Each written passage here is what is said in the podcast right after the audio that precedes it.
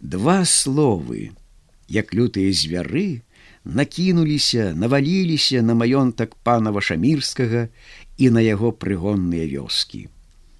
Генеральная рэпетыцыя. Ад самога пана да апошняй замурзанай судамойкі з дваровай чэлядзі, усе на розныя лады гаварылі гэтыя словы. Кожны іх па-свойму тлумачыў, усіх казытаў пах гэтых слоў, Усе пранікаліся трывогай іхняга зместу, нерваваліся пры розных учынках у сувязі з генеральнай рэпетыцыяй. Генеральная рэпетыцыя! галасілі рэжысёр, балетмайстар, ксёнц марцевич, капельмайстар, спалоханыя устрывожаныя студыйцы, дэкаратар, краўцы, швачкі, сам пан вашамірскі ды ўще ў маёнтку на стайні гулі бізуны. Чутны былі крыкі і стогны, вінавата генеральная рэпетыцыя. Генеральная рэпетыцыя насілася на розныя тоны па ўсёй ваколіцы з вуснаў прыгонных. У той жа час ляжала хворыя маці марылькі. Марылька, прыгажэйшая, як пан вашамірскі сказаў, за статую грэчаскай венеры грала ў містэрыі ксяндза марцевіча матку боску. Больш паўгода маці марылькі не бачыла яе, бо са студыі нікога не выпускалі. Пры хворай сядзела старая шаптуха і лячыла яе замовамі і зёлкамі. Ты кажаш пра зябла, звярнулася шаптуха да хворай, няправда, гэта генеральная парапіца пашкодзіла. Ты ж у панскім двары, як папрацавала, дык вось і набралася там гэтага ліха. Ой-ой-ой, як цяжка жыць. Хворая не магла гаварыць.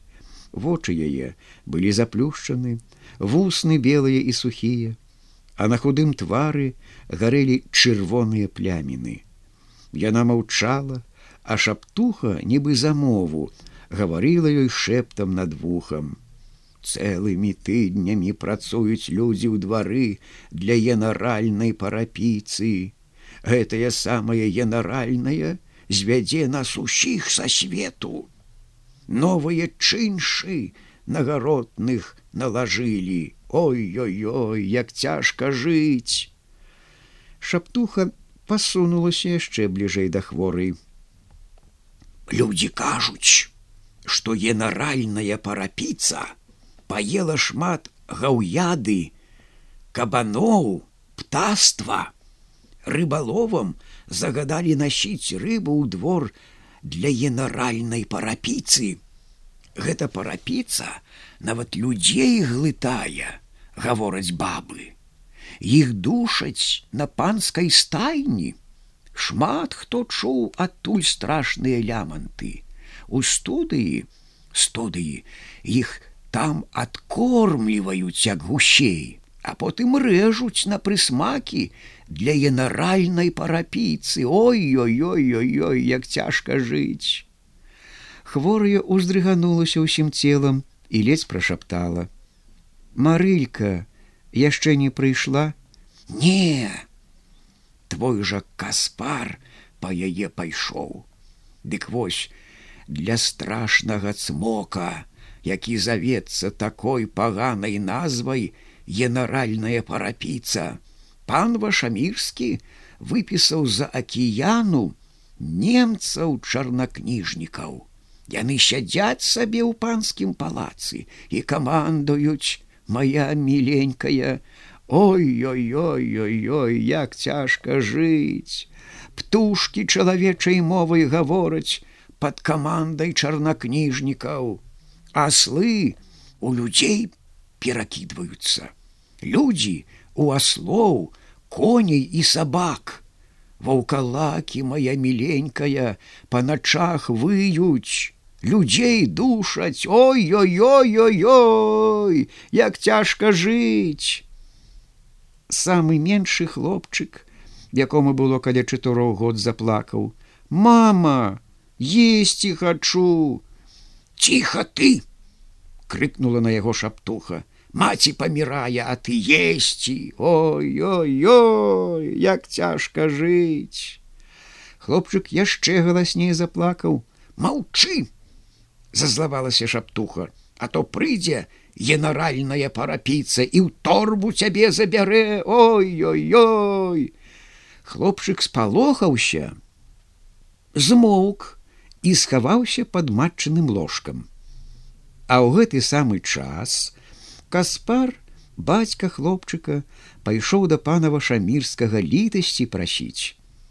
Ясна вяльможны пане я з самага рання чакаю цябе. Ледзь дапусцілі пан вашамірскі злаваўся яго адарвалі ад генеральнай рэпетыцыі. Перад ім стаяў у пярэдні чалавек з ускалмачанай чорнай галавой. У вачах чалавека блішчэлі слёзы гавары хутчэй адпусці паночку лябедзіку маю марыльку на дзянёк маці пры смерці хоча дачушку паглядзець не магу генеральная рэпетыцыя злітуйся даражэнькі пане не магу каспар кінуўся вобземлю да панскіх ног. Заплакаў маці памірае дачушку пабачыць хоча перад смерцю разумееш галан крыкнуў пан. Генеральная рэпетыцыя злітуйся ідзі ідзі ты мне сапсуеш генеральную рэпетыцыю свенту матку якую грае марылька.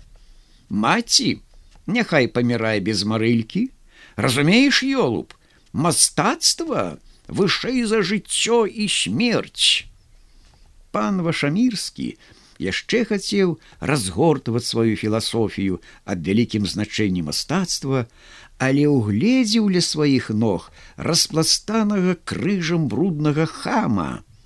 Перад кім гэтае перлы сыплю, падумаў ён і крыкнуў не сваім голасам вон.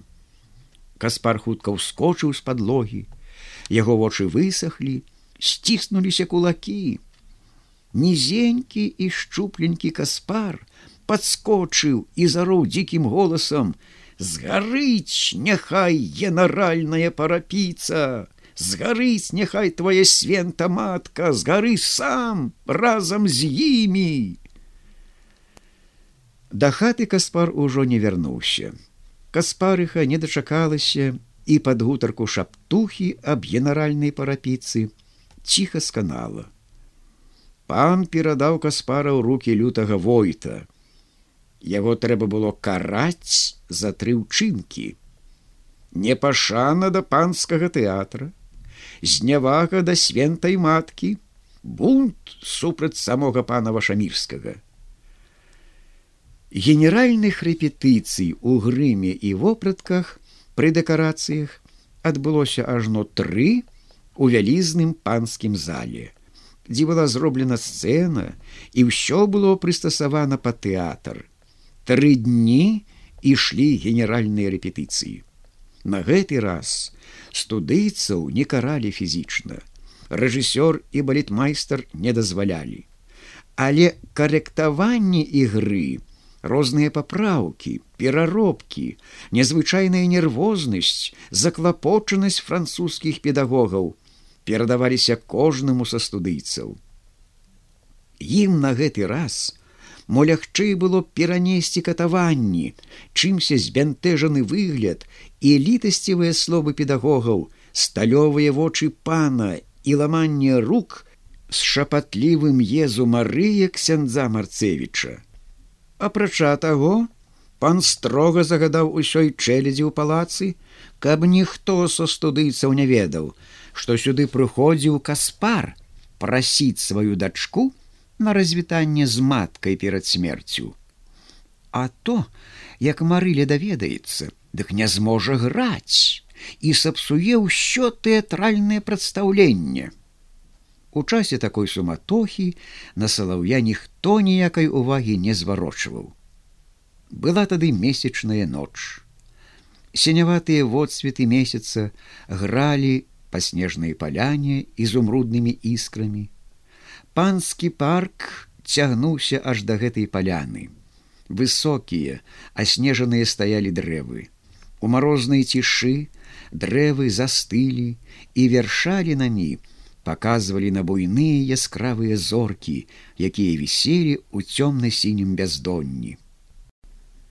Мароз трашчаў непрытульнасцю аддавала ад снежнай паляны, Яна слалася сіне-белым палатном да самага хвойніку. Яшчэ ў дзень таўставусы войт пана вашамірскага агледзеў гэта месца. Тут і трэба пакараць каспара, сказаў ён гайдукам. А можа што-небудзь лягчэйшае прыдумаеш.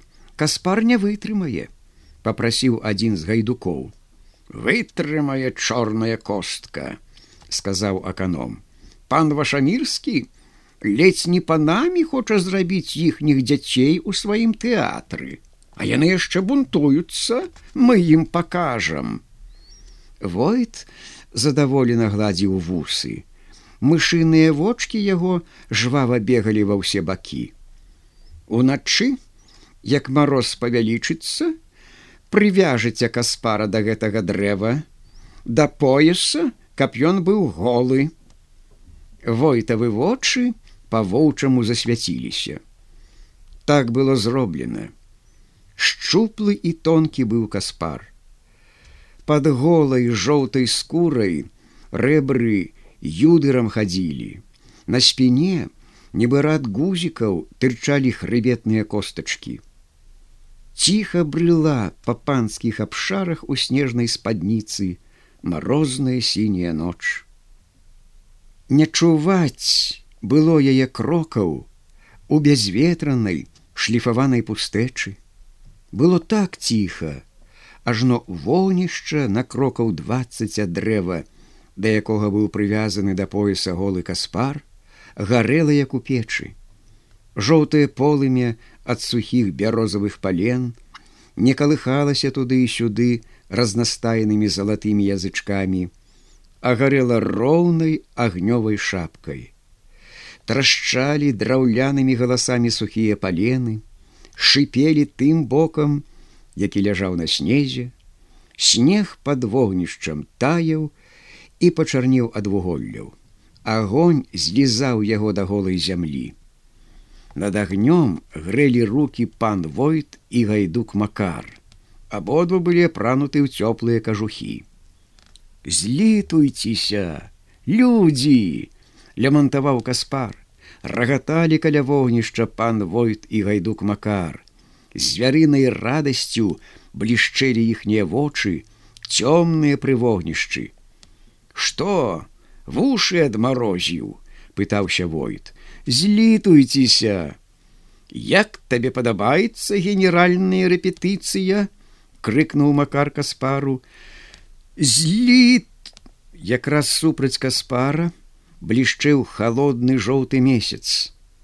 Ён здаваўся каспару рыжым чалавечым тварам без носа з цёмнымі ямінамі замест вачэй месяц глядзіць на каспара і дзьмухае на яго нястрыманым морозам, страшнай, ціха, як смерць сцюжай. Каспар адчувае, што ў яго кроў у жылах стыне, слёзы на твары цвярдзеюць ад марозу. Спачатку ён ляскатаў зубамі, але хутка супакоіўся, толькі вушы і нос, як бы нехта адрэзаў, каб руки у яго не былі прывязаныя да дрэва ён памацаў бы і нос і вушы смяецца рыжы твар месяца. Чуе каспар смех яго дзікі рогат але не бачыць яго. Перад вачыма сіні снежны туман голкі вострыя шчокатныя колюць голыя грудзі дрыжыць каспар і гудзе працягла і тоненька нібы камар і забывае каспар пра жонку якая канае ў курнай хаце пра дачку, якая грае свенту матку і пра генеральную рэпетыцыю. Іх ніколі не было, не было і самога каспара.